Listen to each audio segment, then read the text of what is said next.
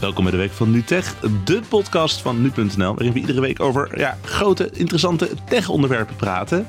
En deze podcast klinkt of je nou wel of niet de cookies wist, ongeveer hetzelfde. Ik ben Bastiaan Vroegop En ik ben Stan Ulsen. en dit is de Week van NuTech.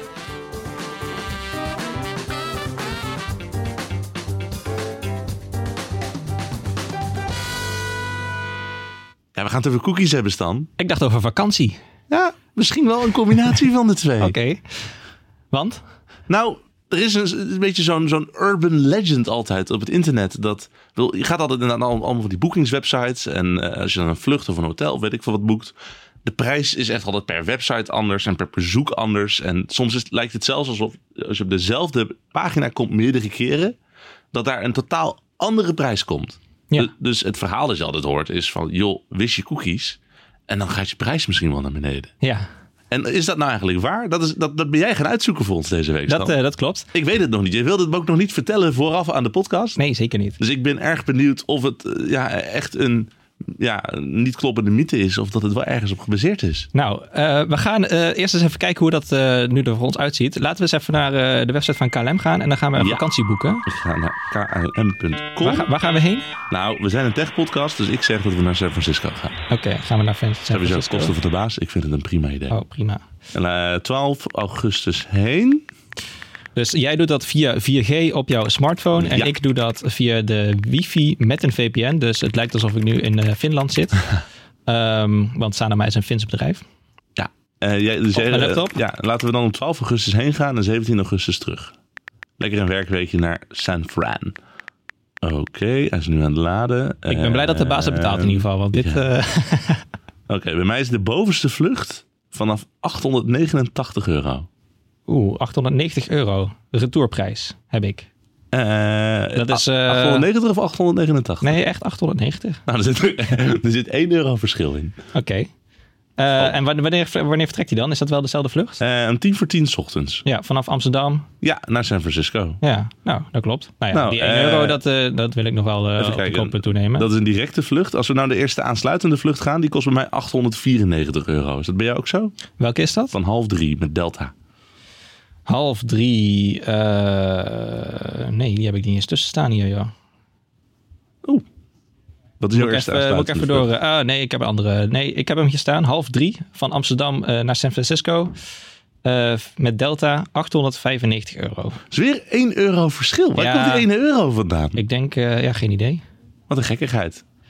Ja. Maar goed, dus er is een verschil. ik denk dat ze het maar gewoon op afronden op desktop of zo. Dat, zou, dat eh, zou misschien ook kunnen. Maar ja, of, of dit nou door cookies komt, dat weten we nu eigenlijk ook nog niet, toch? Nee, dat nog niet. Maar we weten eigenlijk bijna wel zeker dat een, een vlucht of een stoel in een vliegtuig wel altijd voor verschillende prijzen verkocht worden. Dus nou ja, je buurman die eh, ook naar San Francisco vliegt, die kan eh, nou ja, een paar honderd euro bijvoorbeeld minder hebben betaald. Of misschien heb jij, of misschien is hij wel duurder uit en ben jij Maar die... specifiek omdat het een andere stoel is. Want ja, er zijn natuurlijk stoelen aan het gangpad. Of, Nou, ik belde hierover met Christian Berens. Hij is onderzoeker bij SEO Wetenschappelijk Onderzoek en eh, aan de Vrije Universiteit van Amsterdam. Onder meer naar transporteconomie. En hij legt uit eh, waarom eh, die prijzen zo verschillen. We weten best wel veel, want we- wat we weten is dat hè, degene die naast je zit in het vliegtuig, die heeft waarschijnlijk een hele andere prijs betaald dan wat jij hebt, terwijl je dezelfde stoel hebt en je vliegt naar dezelfde bestemming.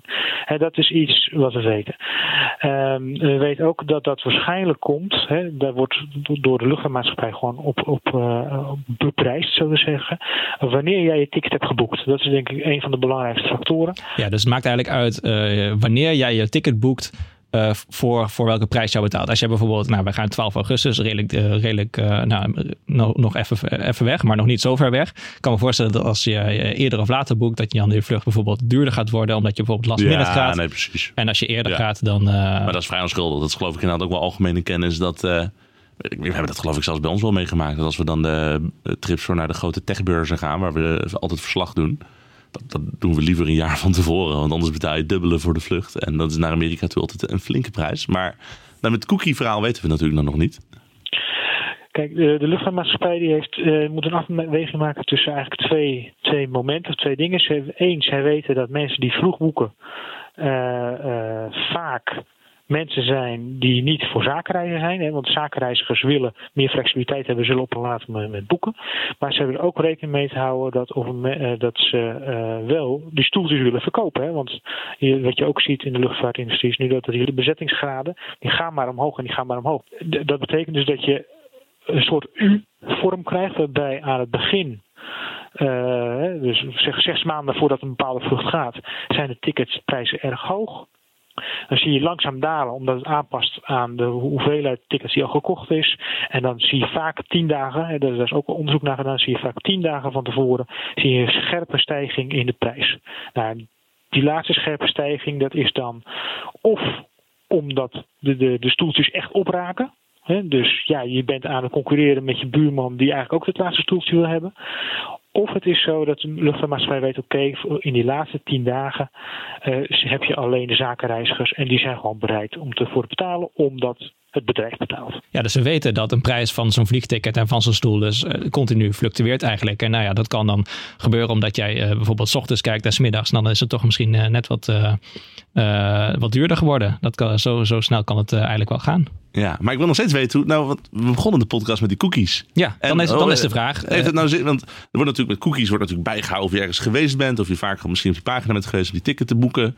Ja, maar heeft dat nou ook invloed op waar ze die prijzen nu op baseren? Ja, laten we daarvoor eerst de vraag beantwoorden of dat überhaupt mag. Mag een luchtvaartmaatschappij of een webshop, een andere online aanbieder, mag die nou cookies eh, verzamelen en analyseren om jou überhaupt een andere prijs voor te Je maakt het wel spannend voor dan mij. Ik wil ja. het antwoord weten. Nee, je bent, ik, je, je, ik het goed het uitleggen. Ik, maar... hou, ik hou het lekker spannend. Oké, okay, mag het? Mag het, ja. Ik belde daarover met Frederik Zuidveen Borgesius. Hij is hoogleraar ICT aan de Radboud Universiteit in Nijmegen en onderzoeker aan de Universiteit van Amsterdam. Ja, het uitgangspunt is ja, dat je dingen mag verkopen voor wat voor prijs je dan ook maar wil.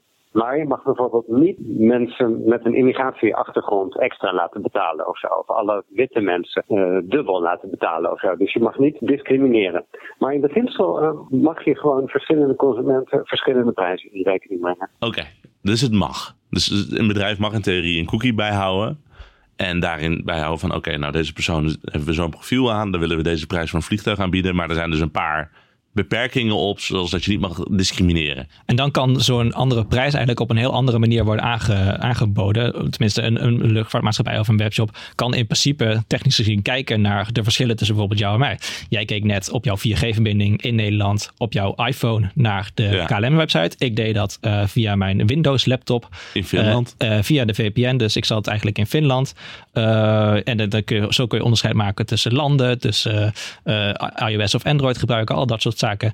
En dat kan allemaal technisch gezien dus. Het is heel duidelijk zo dat de techniek voorhanden is voor webwinkels om prijzen aan te passen op grond van al die dingen die je noemt. Het is heel makkelijk om Android-gebruikers andere prijzen in rekening te brengen dan Apple-gebruikers en zo. Maar um, bewijs is er alleen nog van een paar vormen van online prijsdiscriminatie. Namelijk, er is bewijs dat uh, winkels in de Verenigde Staten hebben uh, prijzen aangepast aan de locatie van de consument. En dat is heel precies, zeg maar, soms op straatniveau. Dat je in de ene straat, als je in de ene straat zit, betaal je soms andere prijzen dan als je in een andere straat. Uh, er zijn ook al voorbeelden van webwinkels die verschillende prijzen aanbieden aan smartphonegebruikers tegenover um, uh, computergebruikers, zeg maar.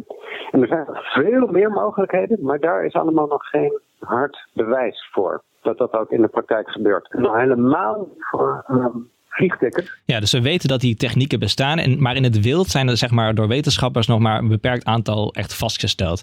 Nou, Frederik Zuiderveen-Borgesius noemde net al bijvoorbeeld dat verschil tussen een smartphonegebruiker en een, uh, en een laptopgebruiker. Mm -hmm. Nou, dat merkten wij net ook. Met 1 euro verschil. Dat ja. Niet het uh, sterkste verschil, maar dat was inderdaad een, uh, een verschil. Misschien dat het afronden van prijzen op smartphones volgens een of andere gast beter werkt. Ja, maar goed, het, het, de techniek bestaat dus, maar er is eigenlijk weinig bewijs over in welke mate het gebeurt. En wat Frederik ook zei, is dat daar helemaal voor de luchtvaartmaatschappijen weinig bewijs is dat dat daadwerkelijk gebeurt. En dat komt ook omdat het heel erg moeilijk is om dat vast te stellen. Want ja, eigenlijk zijn we daarvoor afhankelijk van wat een luchtvaartmaatschappij op zijn website aanbiedt. En ja, uh, we weten al dat die prijzen sowieso verschillen tussen de ene en de andere dag of de ene ochtend en de, en de middag. Eigenlijk een van de vragen waar we geen antwoord op weten vanuit uh, de wetenschap. Dit is heel moeilijk te achterhalen. Dat zullen we alleen kunnen achterhalen door echt met de luchtvaartmaatschappij om tafel te gaan en te kijken hoe zij hun inrichten. Uh, er is geen hard, hard bewijs voor dat dat echt gebeurt. En een van de, van de uh, grote voorbeelden daarin is al dat vaak luchtvaartmaatschappijen geen eens weten of iemand een zakenreiziger is of niet. Na, namelijk, als u vandaag vliegt en u vliegt vandaag naar Madrid, kunt u wel voor vakantie heen gaan. Vliegt u de volgende keer naar Barcelona, kan het wel een zakenreis zijn.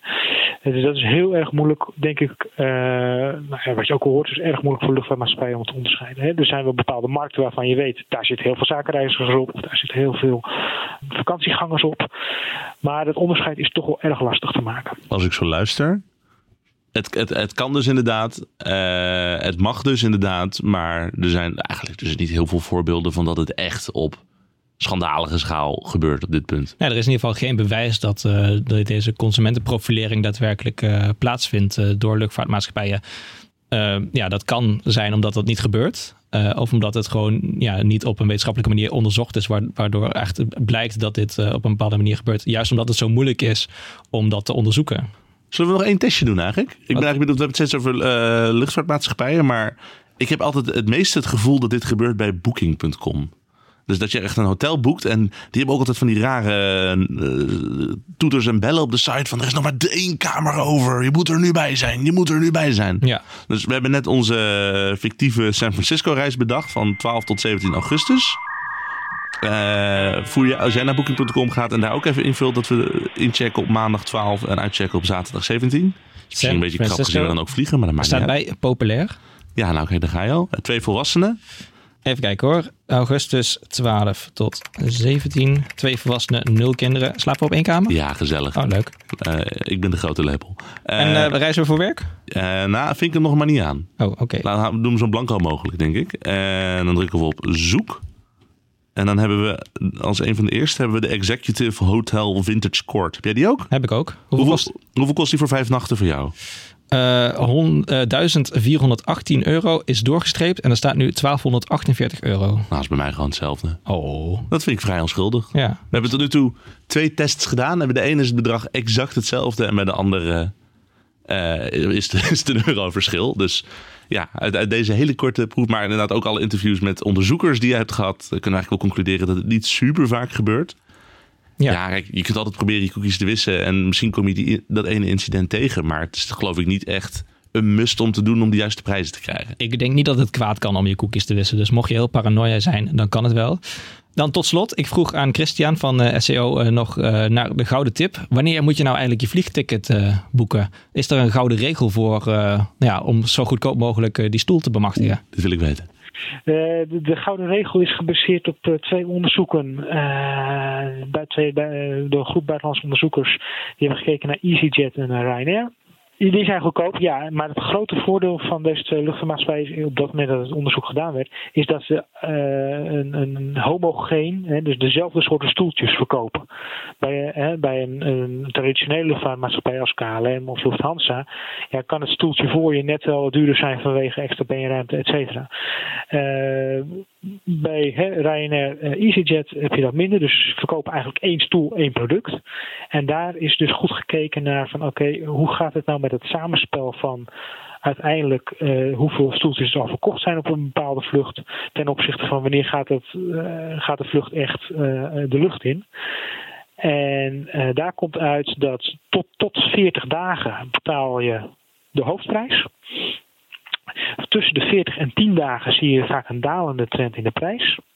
En vanaf 10 dagen heb je er weer de scherpe stijging in de prijs. Omdat ze dan toch denken: hé, hey, deze meneer of deze mevrouw moet echt op die datum uh, en moet echt nu vliegen. Nou, als deze meneer of mevrouw nu moet vliegen, dan wil hij er ook wel voor betalen. Het is een regel, maar het is natuurlijk niet iets waar je echt heel erg sterk aan vast kan houden. Nee, het is een indicatie. Het, het, is een goede tip om uh, als je vakantie boekt om daar een beetje rekening mee te houden. Ja, Maar goed, ik zou dus sowieso inderdaad gewoon goed kijken. Uh, last minute lijkt me sowieso uh, wel onverstandig. Dat kunnen we inmiddels wel concluderen. Omdat een luchtvaartmaatschappij dan... Ja, je, je concurreert of met zakelijke reizigers die gewoon moeten reizen en het bedrijf betaalt. Of je concurreert met uh, andere vakantiegangers die, ja.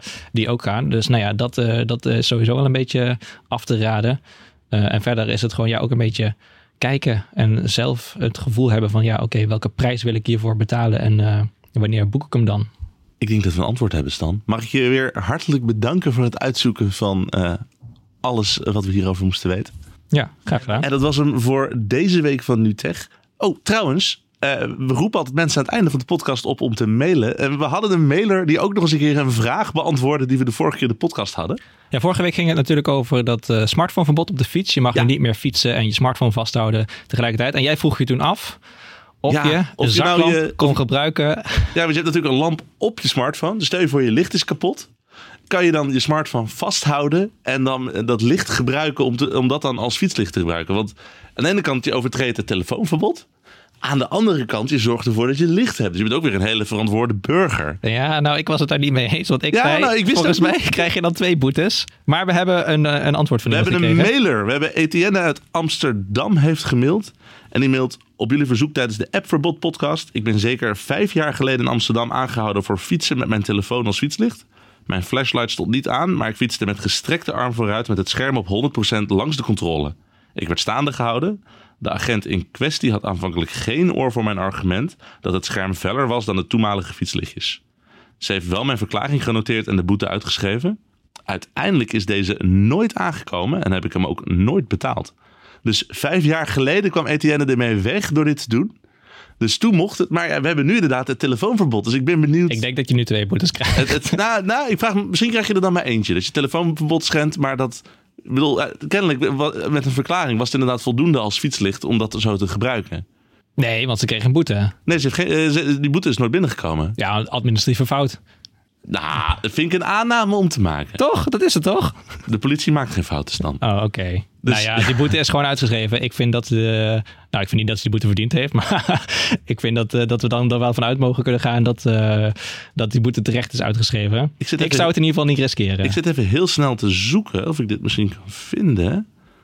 Uh, oh, een boete voor fietsen zonder licht is 55 euro. Oké. Okay. Dus als je het niet helemaal zeker weet, kun je dus beter fietsen zonder licht dan fietsen met je telefoon naar voren. Want ik betaal liever 55 euro dan de 95 euro voor het uh, telefoonverbod. Ik uh, betaal liever helemaal niks. Ja, dat, dat, ja, oké. Nou, Etienne, bedankt voor het mailen. En ik vraag me eigenlijk af of ik je naam goed zeg. Dus sorry als ik het helemaal verkeerd heb gedaan. Maar ik, nou, we zorgen ervoor dat er even iets van een ja, een bedankje jouw kant op komt uh, via de producer Julien. Dus die is nu al hard aan het werk om iets uit het hok te vissen voor je. En dat was hem dan voor deze week van NuTech. Volgende week zijn we er dus weer. En mailen kan dus op podcast.nu.nl. Je kunt ons natuurlijk ook vinden op Twitter, Instagram en op Facebook. Op nu.nl en uiteraard in de nu.nl app. Tot volgende week. Tot volgende week.